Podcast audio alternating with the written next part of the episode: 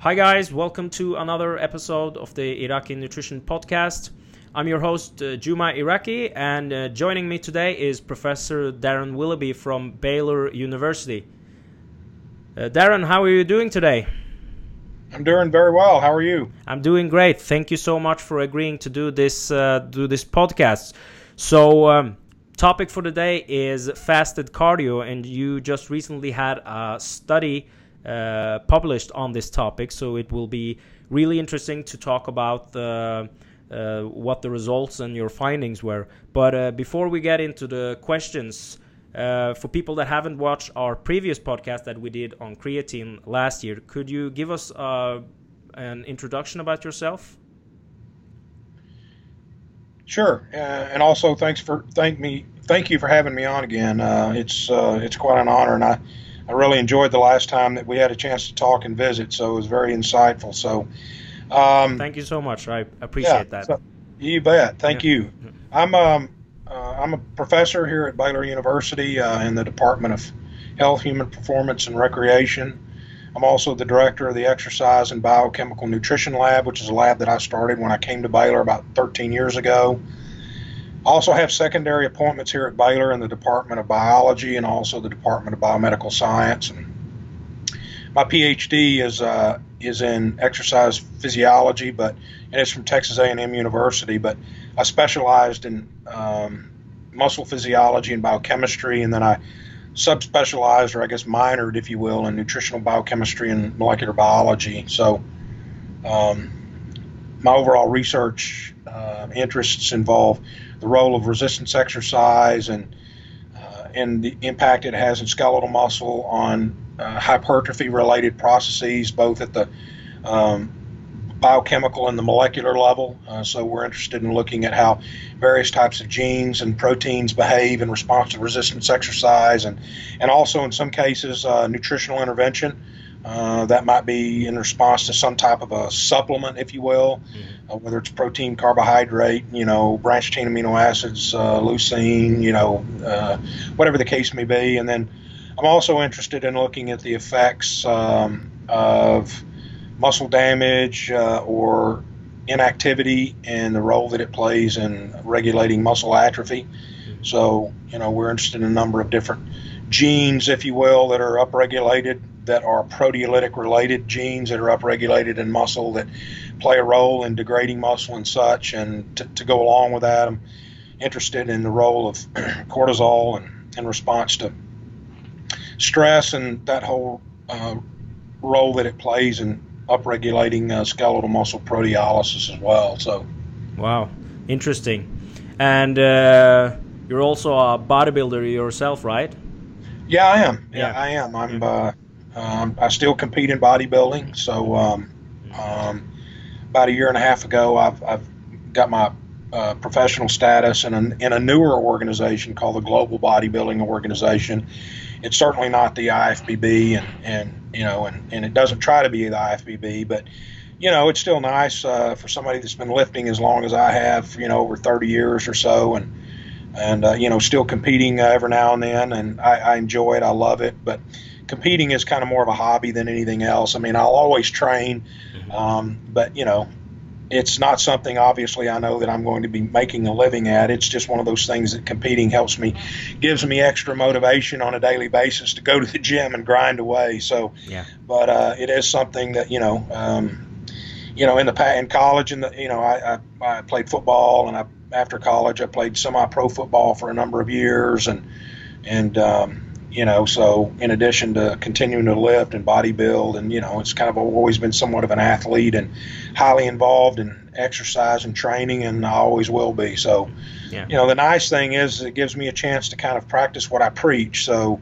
you know not only uh, you know not only do i do what i do to make a living you know i also do the exact same thing in my personal life as well. So yeah so it, it, it makes it kind of nice. Yeah and I think it's really interesting to to mention that because a lot of people have this impression that uh, researchers and scientists they don't even like they don't even lift they do, don't do they don't get Right. involved in physical activity and stuff but Right. like I, I i often struggle to actually find uh, like researchers in um, exercise uh, exercise uh, and nutrition that aren't athletes or are or were previous athletes i i can't really think of anyone that hasn't been involved in in some way in some type of sport Right. so and i i remember when i met i met uh, dr jose antonio in uh, in london last year at the issn conference and he told me uh, Juma, you should do a, a podcast with uh, Professor Darren Willoughby, but I should warn you in advance. He's probably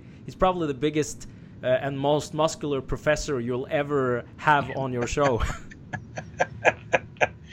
yeah, maybe so. yeah. All right, so let's let's start with the the question because like fasted cardio has been around for for ages in the bodybuilding and fitness industry. So let's first start to talk about what the the proposed benefits to doing fasted cardio are. Well, the proposed benefits are that you know if you you know if you embark on a cardiovascular exercise uh, or aerobic exercise um, session under a fasted condition, then the theoretical construct for that is that you know s- substrate utilization is going to be um, is going to be more prefer- preferentially directed towards fat oxidation because you know based on the fast and this the fast is going to depend on how long um, if you will. And and I and the reason I say that is because the longer someone's fasted the more catabolic they're, they're going to be. But anyway deals on the on the aspect of the fast itself. And so that being said during the fast the body will rely, or at least early in, the body will rely a good amount on carbohydrate and glycogen as as uh, as you know as a fuel source that uh, you know is a, a, substrate for for energy production.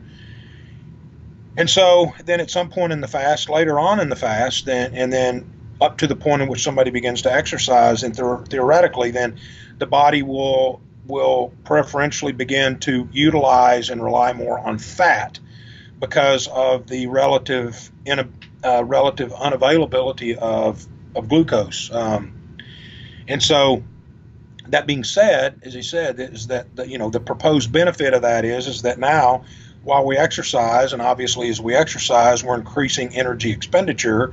So as we as we begin to exercise, and the body is going to have to rely primarily on fat to be able to um, use that as the substrate for energy um, that's created during exercise. So, bottom line is that because the body is going to, or theoretically, is going to rely more on fat as a fuel source, then a person's going to be able to burn more fat and obviously over the course of time, then lose more body fat as a result of this type of training. Okay, I'll uh, I'll get to a follow up question on substrate utilization uh, later on. But before we get to that, like like I said, this this strategy has been popular for several years. Why do you think bodybuilders in particular opt for uh, opt to do uh, fasted, uh, low intensity, steady state cardio compared to high intensity? Do you think it's because of the fat burning zone that like when when intensity is lower you use more fats as a, a substrate or do you think that uh, it might have something to do with low intensity cardio is not really something you need to recover from but if you do a lot of high intensity it might uh, um, uh, have an effect on your total recovery availability if you're also doing a lot of resistance training so what do you think? Is it is it more on the recovery part, or do you think it's more on the being in the so-called fat burning zone? Um, actually, it's probably a little a little bit to do with all of that, um, because you know, relative to reliance on you know, probably more fat than uh, than carbohydrate. Uh, that's certainly uh, that's certainly an aspect of it. But you know, you mentioned earlier about why you know bodybuilders, for instance, uh, may re- rely more on the lower intensity steady state cardio than the, the you know than the than the higher intensity interval training, and so you know I don't know. I, there could be several reasons for that. One might be, as you said, maybe it's just uh, for you know for a long period of time. Uh, you know that was that was the typical mode for doing cardio before. You know if you think about it relative to HIIT. you know HIIT training is still relatively new if you think about it. So you know but the mindset for uh, for cardio is uh, is probably still more so based on simply just you know lower intensity, working more in your so-called you know fat burning or your target uh, target heart rate zone. Uh, you know your your so-called steady state, and so doing, you know that's you know, supposed to be the most optimal uh, the optimal point for utilizing fat. Mm-hmm. You know, and so that that could be that could be it, just based on that's just kind of what you know what's still somewhat popular and what people tend tend to categorize cardiovascular training to be. The other could be simply that maybe perhaps some people don't necessarily like doing HIIT training. I mean, you know, because you know, even though you're not going to be typically doing it quite as long, I mean, you know, it's it's higher intensity. There's, you know, like you know, sprint work and and and things like that such as involved meaning um, compared to the lower intensity um, steady state cardio. So, you know, it could be something that's people don't necessarily enjoy, if you mm-hmm. will, the hit HIIT approach. Mm-hmm. Um, you know, so you know the, the the interesting thing here is at least what we've what we've seen is that you know the difference seems to be relative to the amount of energy energy expenditure that's uh, energy expenditure that's done uh, or that occurs is that with HIIT training, or at least with a single bout of, of, of HIIT, HIIT training, HIIT exercise, is that most of that energy expenditure is going to occur after exercise, uh, beyond the exercise bout itself. So, in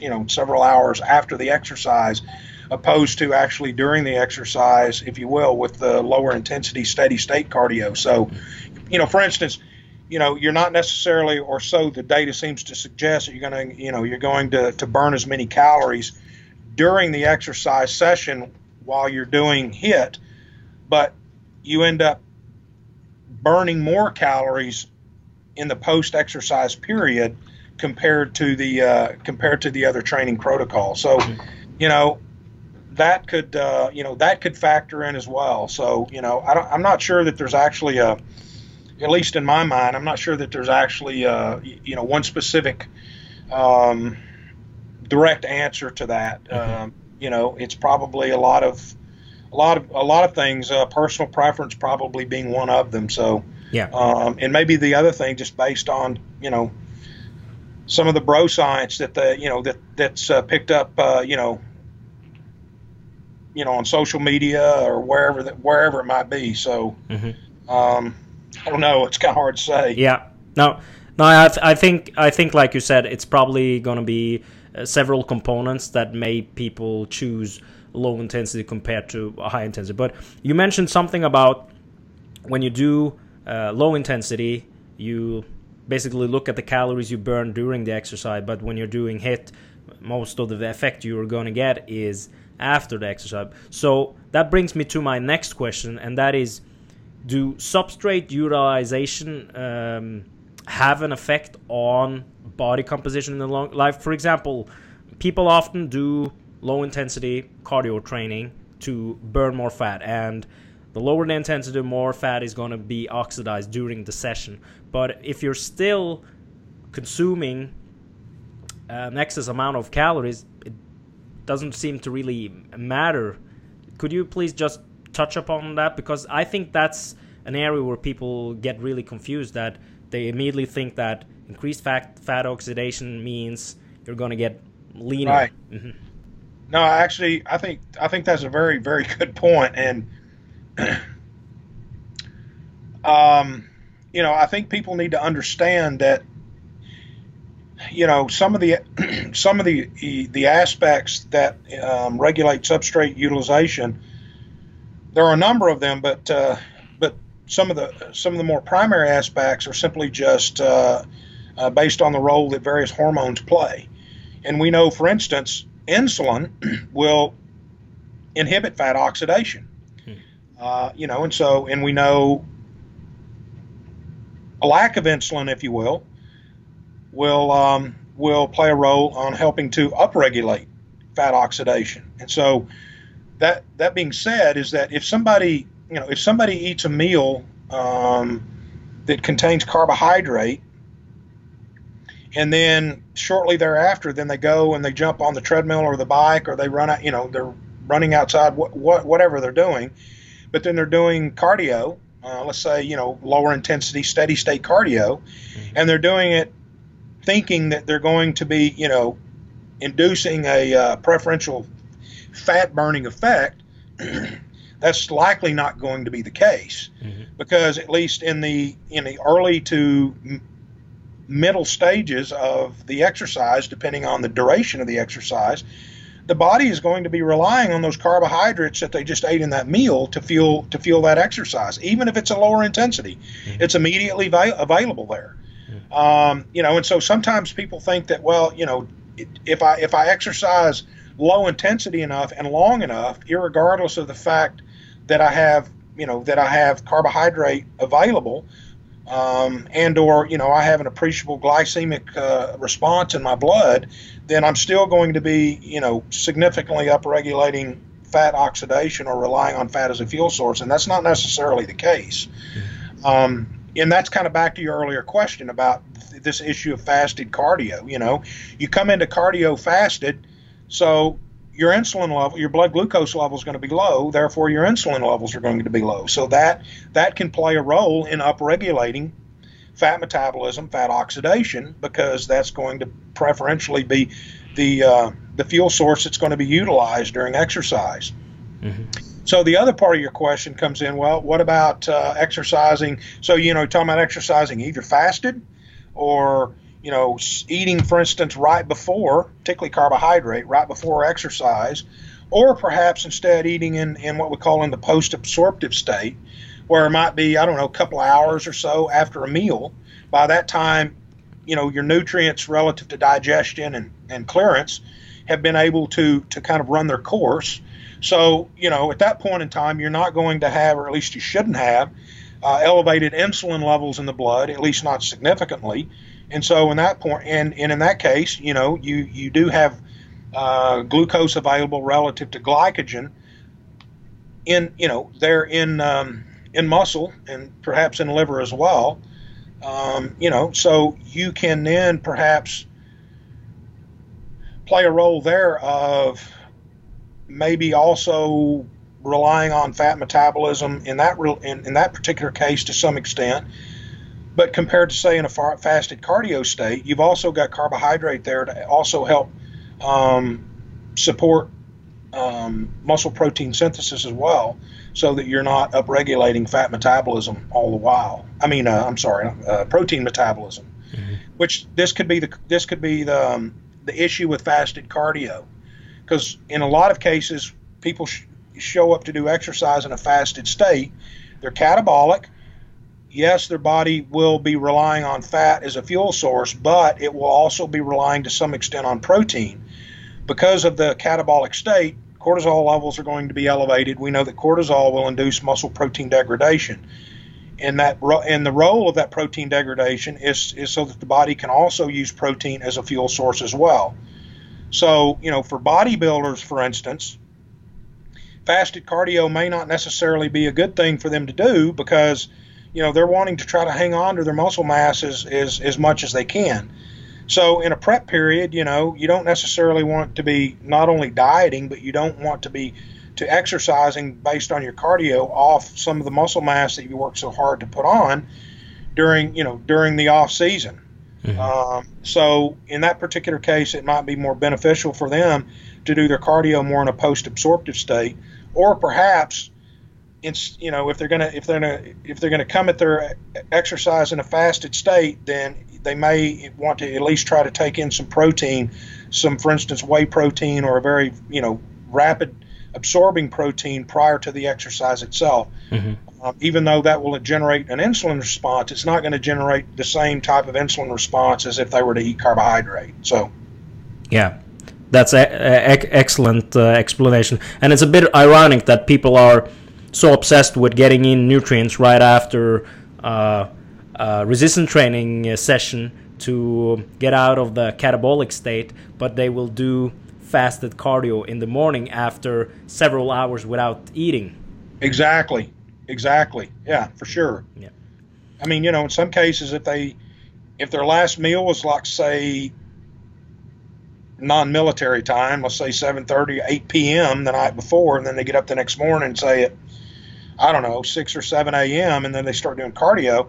I mean, they've they that's been you know about 12 hours Of course, you know their metabolic rate begins to drop at night while they're sleeping, but nevertheless, mm-hmm. that's you know that's a fairly long period of time that they've that they've gone without eating, and so you know the the the, the extent of ca- catabolism can be uh, can be quite dramatic. Mm-hmm. Um, and so you know over the long haul, day in and day out, if you will, of doing fasted cardio, you know, particularly saying a bodybuilder or physique competitor.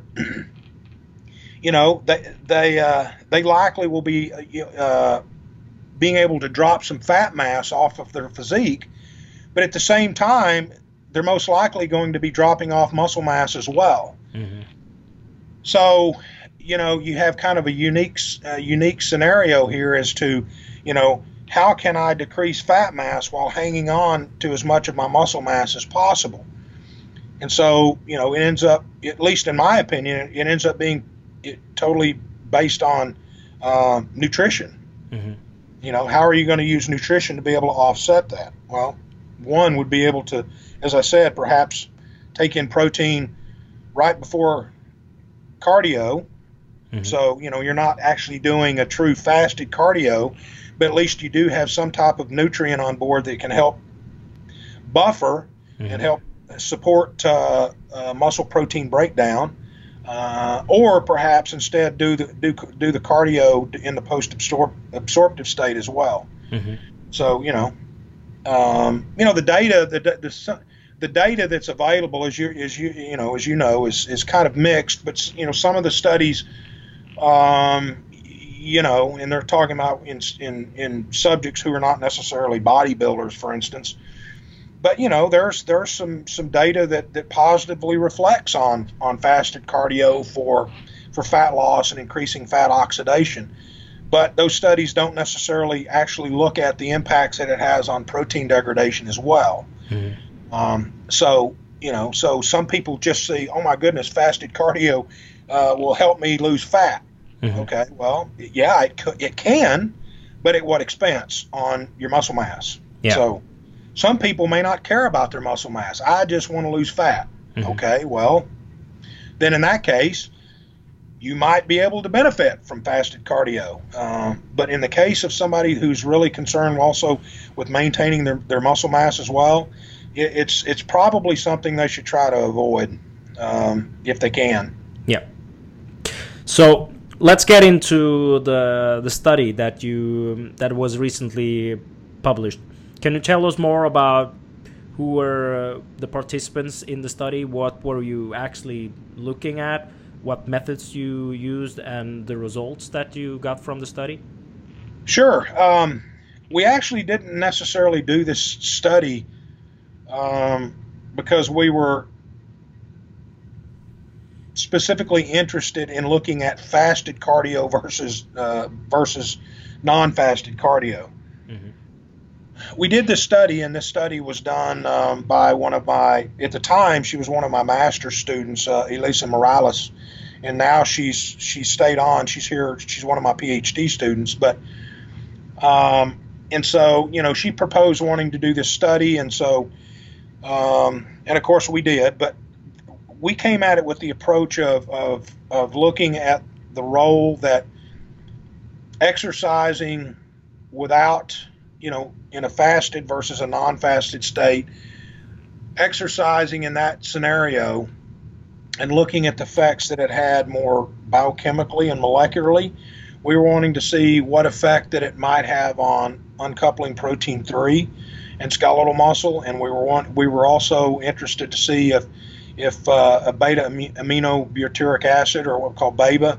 uh, which is a myokine, um, if that perhaps had a um, um, an upregulate, upregulating role on uncoupling protein 3. Mm-hmm. Uh, uncoupling protein 3 very quickly is just the proteins in the mitochondria that are involved in, in you know, in, in dissipating uh, heat via the electrochemical gradient and playing a role in, in helping uh, uh, to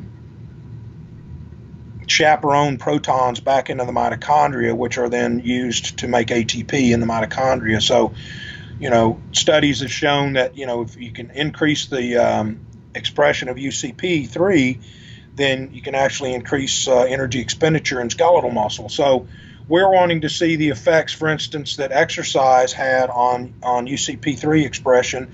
And we looked at it both at the gene level and the protein level. And then we are also interested to see if, if BAIBA had any type of impact on that as well.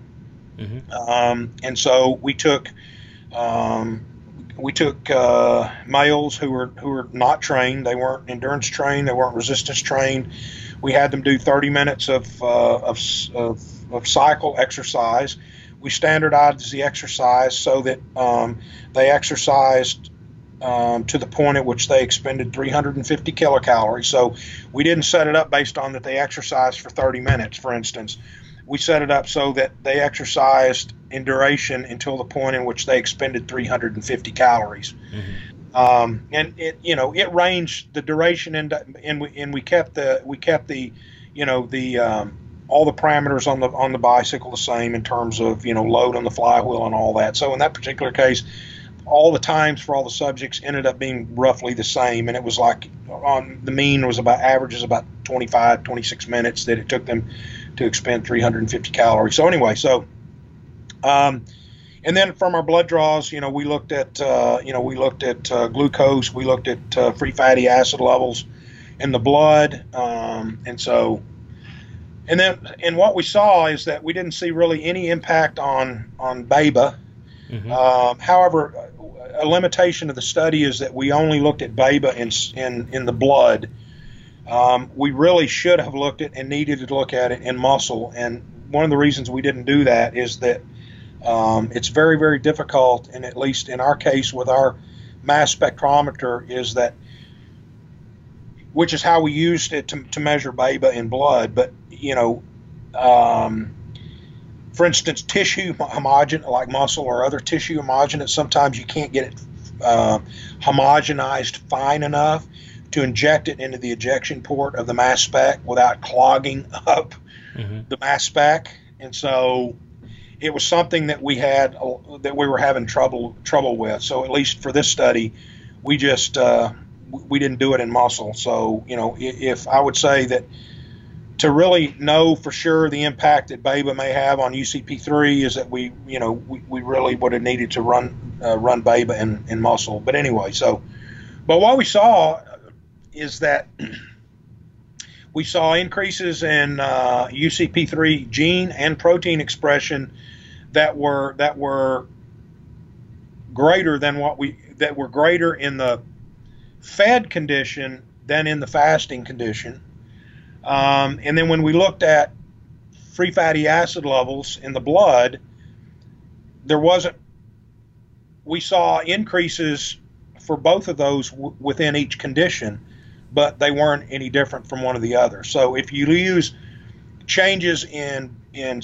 in uh, free fatty acid levels in the blood as a marker or an index of of um, fat oxidation, fat metabolism, lipolysis, uh, you know, triglyceride breakdown, you know, for subsequent use uh, for fuel source and all that, however you want to, however you want to uh, refer to it, is that we saw obviously exercise, we saw exercise increase that, but we didn't see any difference between the two, whether it was in the in the fed condition or in the break in the in the fasted condition. So mm-hmm. we saw some differences for UCP3, meaning that you know, exercise definitely increased in both conditions. Both increased it. We saw slightly greater increases in the in the fed condition over the fasted condition. Mm-hmm. So really, what we you know, the take home message from the study is is that is that we really didn't see anything between the two types of conditions, meaning um, in the in the fasted condition or the or the fed condition, that would at least in this study, bearing the limitations that it has, and all studies have limitations. Um, we didn't see anything in there that would suggest that exercising in a fasted state uh, is is uh, um, is is more beneficial than than exercising in a non-fasted state. So Excellent. Now, uh, I, I've read the paper, but for people that haven't read it, uh, could you also mention what what like in the fa- in the in the Fed group what they did did they actually consume before the cardio? Oh, oh, what what was the meal? Yeah, yeah. So we had them. We had them. Um, they all consumed, ingested the exact same thing, and we had them uh, have a uh, meal replacement shake, uh, Ensure Mm-hmm. So um, that was the drink. That was the that was the drink that uh, that they uh, they ingested. So I think it I think it ends up being I think it's like um, 280 right right around 300 calories something like that. Mm-hmm. Um, no, actually I take that back. It's right. It's about 350 calories. So that's that's why we we set the exercise session up to um, um, to expend 350 calories so that it was basically the same as what they were taking in relative to the meal. So, okay. yeah, so it's just uh, it was it's just a standardized you know drink. We, we did that rather than you know we didn't want them to eat on their own. We wanted to so when they came to the lab, we gave them the shake. You know, we watched them drink it, so we know we knew that they were actually taking it in mm-hmm. relative to you know relying on them doing it on their own, and instead of saying okay, eat, you know, you know eat eggs and bacon or toast or whatever. That way, you know, that way would we would know because we could keep things standardized across the board. Yeah, excellent. And you just have to trust the, uh, that they didn't eat before they came. Yeah, exactly. Well, yeah, in the fasted uh, that's, group. You know, that's that. that's one of the issues, or a number of the issues uh, that go with just with using humans in research. And we, and you know, in my lab, we don't do any we don't do animal work uh, we it's only human work and you know you just you just you deal with those those limitations and you just you know you hope and you trust that your participants will uh, comply and mm-hmm. in this case that they didn't eat coming in and you know and actually I think that might be I can't remember a limitation in the study and uh, that that was pointed out and you know whether it's that or you know sometimes we're you know when we do supplementation studies you know, we're, we're hoping that the that the subjects uh, are, are taking their supplements like they're supposed to, and you know all that all that stuff. So mm-hmm. you know, or and and when we have them do dietary recalls like they had in this study as well, you know, we're hoping that they're being truthful with the dietary recalls and telling us, you know, everything that they did eat and the amounts are correct, and so you know that's why not just with my studies, but that's why with so many of these studies, particularly with humans, mm-hmm. they all have to be interpreted with caution because you know human behavior is just something that we no one has any control over. At least with rodents, for instance, you know you can control pretty much everything: how much light they get, how much dark they get, how much water they get, how much food they get, how much a- activity they get. Well, obviously we can't do that in humans, you know, um, most of the time. So mm-hmm. it, it makes it it, it makes it a bit def- uh, difficult uh, many times, and you just have to try to allow for those limitations and try to design your experiment accordingly around those limitations and just try to you know just try to envelop them as best you can so. Yeah. I think people should be involved in a research project at least once just to see how much work actually goes into because it's it's really easy to see it on social media and criticize why didn't you do this and why didn't you do that? And people don't necessarily realize that um, uh, money might be like funding might be oh, an issue. yeah. uh, availability of equipment uh, participants uh, like there's a lot that you have to consider but it's really easy to say why didn't you do this this this and this and why did you do this instead? Well you know what? I, am glad you mentioned that because that that's that's an excellent point um, you know especially when you go on social media and you know in response to studies people will post on you see all these people criticizing one they have absolutely no clue what research is all about. Number one, they, from the standpoint that you know they've never done a research study, they have no idea what goes on to in a research study. You know, they may have some, you know, they may have some knowledge about the the the, the, construct behind the study, whether it's I don't know protein metabolism, carbon metabolism, whatever. But in terms of actually doing a study, and as you mentioned, everything that goes into a study at the design stage um, and all the limitations that go involved in that. I mean, it, it just you know, it, so many people just have have very little clue and and very little insight into what goes in. You know, I've I've been doing this for you know 25 years, designing and doing research studies, and you know, there's no such thing as a perfect study. That just there's just it just does not exist. Mm-hmm. There are too many things to consider. There, particularly when you when you work with humans, and so you know, it's it's it's. Um, you know, it's always it's always easy to criticize from the cheap seats. Mm-hmm. You know. yeah. You know, you know, you're not involved. You sit back there, and you know, you have. I mean, you know, it's, you know, it, it's, uh, yeah, you know, it's always, uh, it's always easy to throw rocks when you when, when you don't have a dog in the fight, if you will. And yeah. so it's, you know, I have a lot of colleagues that you know they really get kind of angered by it all, but I just, you know, I don't. I'm just, you know what? It's it is what it is. It does not impact on what I do. I mean, my work is my work is good. My work is solid, you know, and and um, and with integrity, and you know, it's just. But the thing is, is I mean, the results they are what they are. You know, you can't. People can interpret results for study in any study any way they want. You know, and matter of fact, I was just.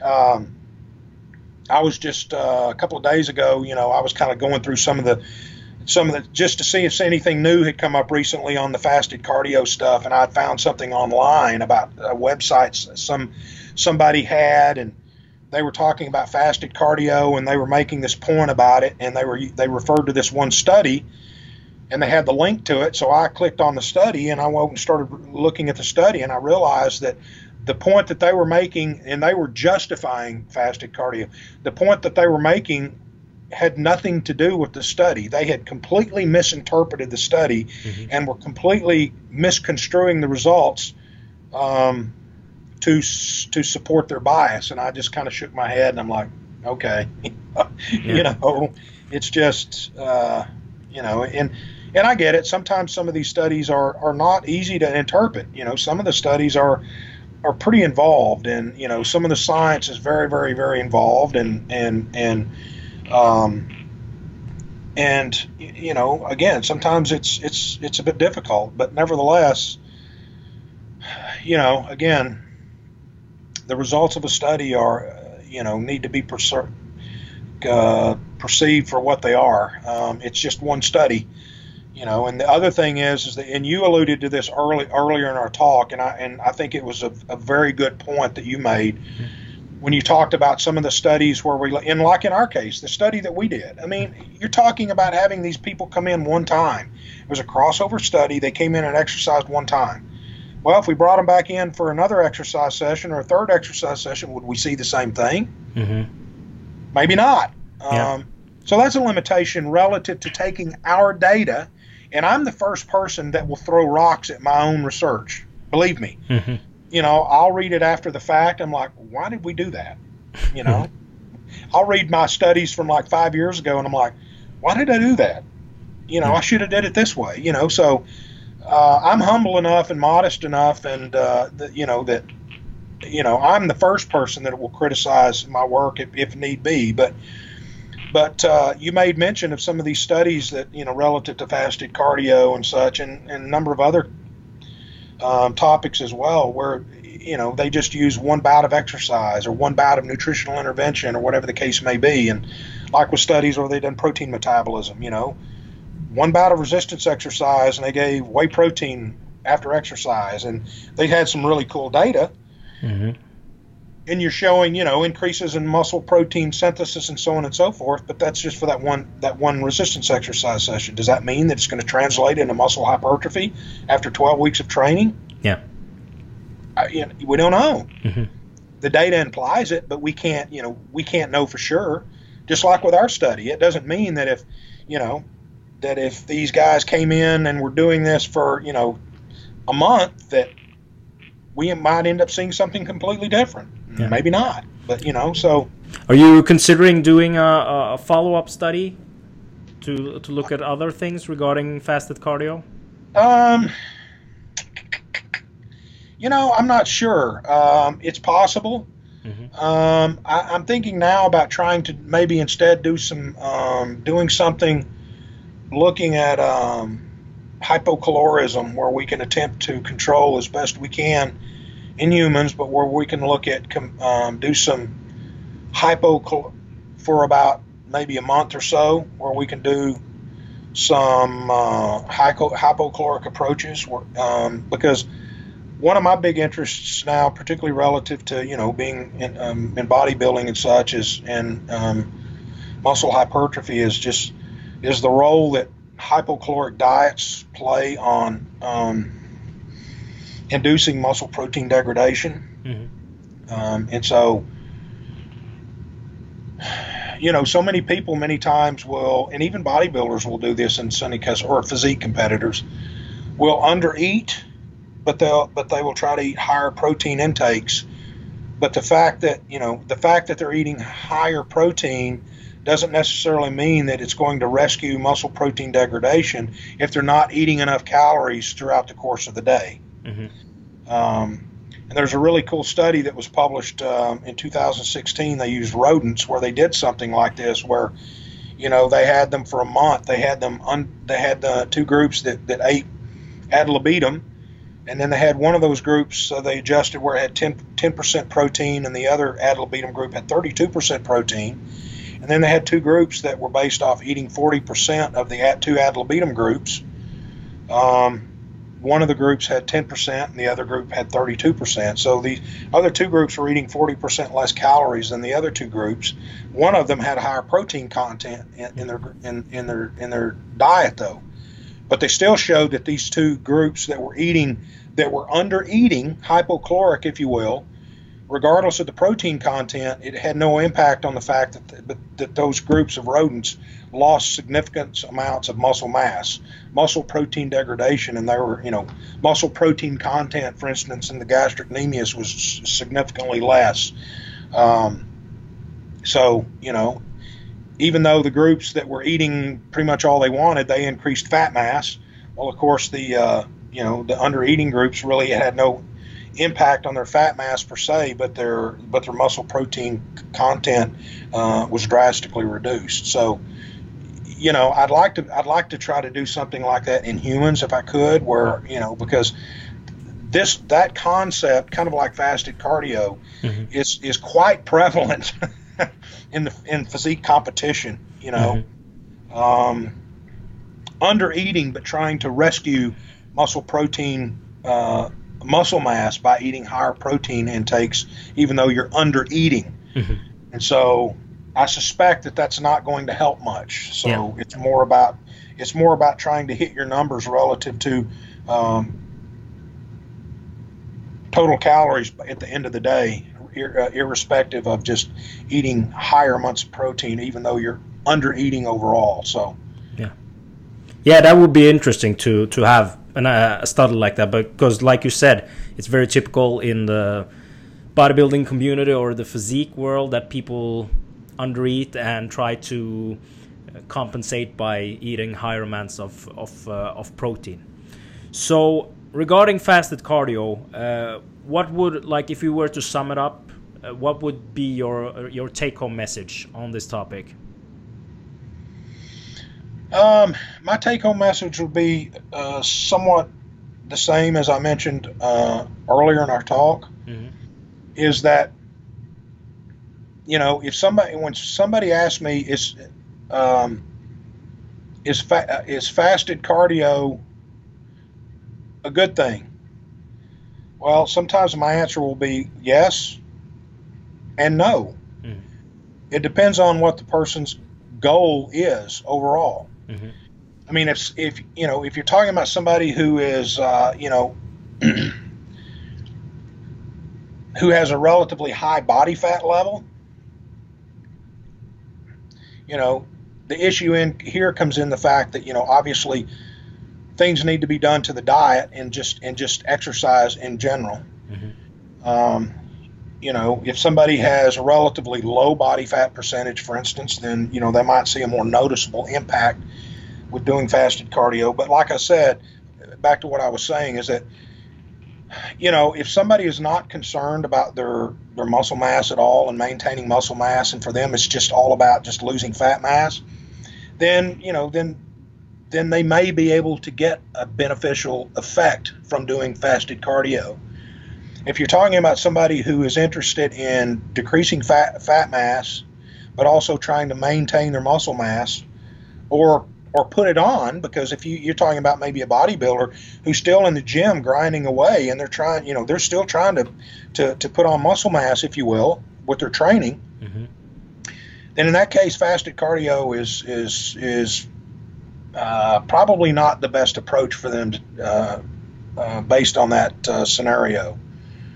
So, um, that being said, I, I would say if in that scenario, then the take-home message would be then, you know, if they insist on on doing cardio in a fasted state, or at that point in the day, for instance, and it just corresponds to them getting up and doing it early in the morning, then they probably should uh, put uh, uh, some protein on board. So take in maybe a whey protein shake or something where they can get some rapidly delivered protein in that's not going to dramatically affect their insulin level, but at least it could uh, play a role in helping to um, protect against some some amount of muscle protein breakdown.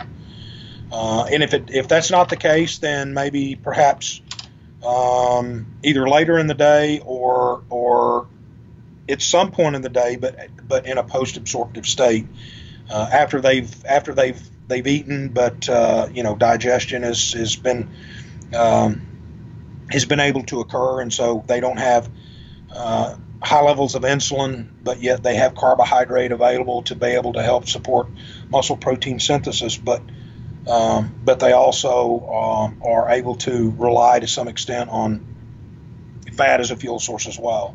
So they would kind of have a mixed um, substrate oxidation component in that regard. So, you know, uh, and study it's there, and there's, studies have shown that that type of approach, you still get an appreciable effect on fat oxidation, Mhm.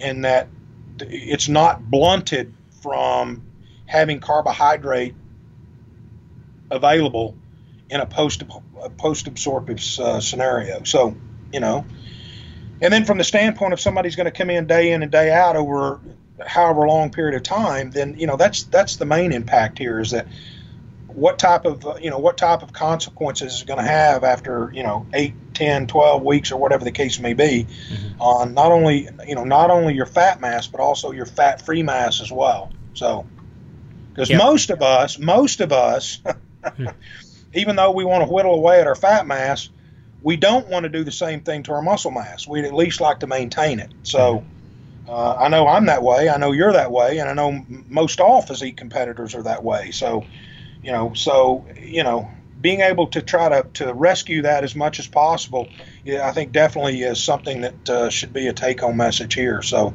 um, and in that case, it, it, it, it would be probably try to avoid fasted cardio as best you can. Excellent.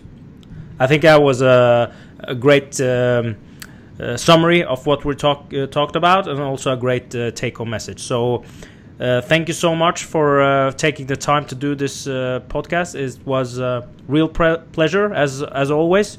Is um, is there anywhere where people can find more information about you? Are you are you active on social media, for example? Yeah, I am. I have um, I have uh, I'm on fa- uh, Facebook. It's just uh, you can search for me just under my name, just Darryn D A R R Y N and and Willoughby W I L L O U G H B Y. Um, my wife and I have a, a joint account, and that which is kind of more a personal account, and then my other one that's just Darryn Willoughby. that's more of my professional account. So that's where I'll, I'll post stuff about research art, research that we're doing and studies that we have published and and uh, you know things along that line. I, I, don't really do any personal stuff on there. That's what my other one's for. So mm-hmm. um, so there and then um, uh, and then you know if they want to check in and you know about some of this, any of the research that we're doing, then you know you can just type in my last name and my first initial uh, D, uh, and then in say like PubMed, Medline, and you know all of our studies will come up. Our PubMed uh, index studies will come up, and there's a whole list of them in there that go. And you know then most of them all involve resistance exercise and or nutritional intervention in some way or another. So yeah, so um, that would be the best way. Yeah, excellent, uh, Darryn. Once again, thank you so much for taking the time and hopefully we can do uh, another podcast on another topic very soon. I look forward to it as always. So uh, it's been a, it's been a pleasure, and um, it's always it's been a pleasure visiting with you, and uh, I look forward to it. Thank you so much, Darryn, and uh, and um, uh, have a nice day. It's still uh, what's the time now in in the states? Like 12, 1 o'clock approximately. One fifteen. One fifteen. Yeah. Yep. So I'm on the other side of the world. So I'm I'm gonna hit the hit the sack soon and get some quality quality sleep for those gains. Well, hey, it's all about recovery, right? Yeah, exactly, exactly. Yeah. All right, yeah, it's yeah, it's it's it's not it's it's not necessarily how hard we how hard we train, but it's how hard we recover, how effectively we recover. Yeah, it's a so, highly uh, overlooked. Um, it's a high, highly overlooked uh, what like what people do when it comes to recovery. Like they'll yeah. they'll focus on uh, on the training and maybe on the nutrition, but the sleep is not. Uh, Excellent. Hey, maybe that'd be a that maybe that could be a cool future podcast. Yeah, absolutely. We can talk about strategies regarding uh, recovery. Oh that yeah, absolutely. Yeah. All right, sure. Darryn. Thank you so much, and uh, wishing you a pleasant weekend. And also, it's uh, Easter next week, so happy Easter as well. Thank you, uh, and you take care of yourself as well. Thank you so much. All right, Darryn. Have a nice day. All right, you too. Thank you. Bye bye.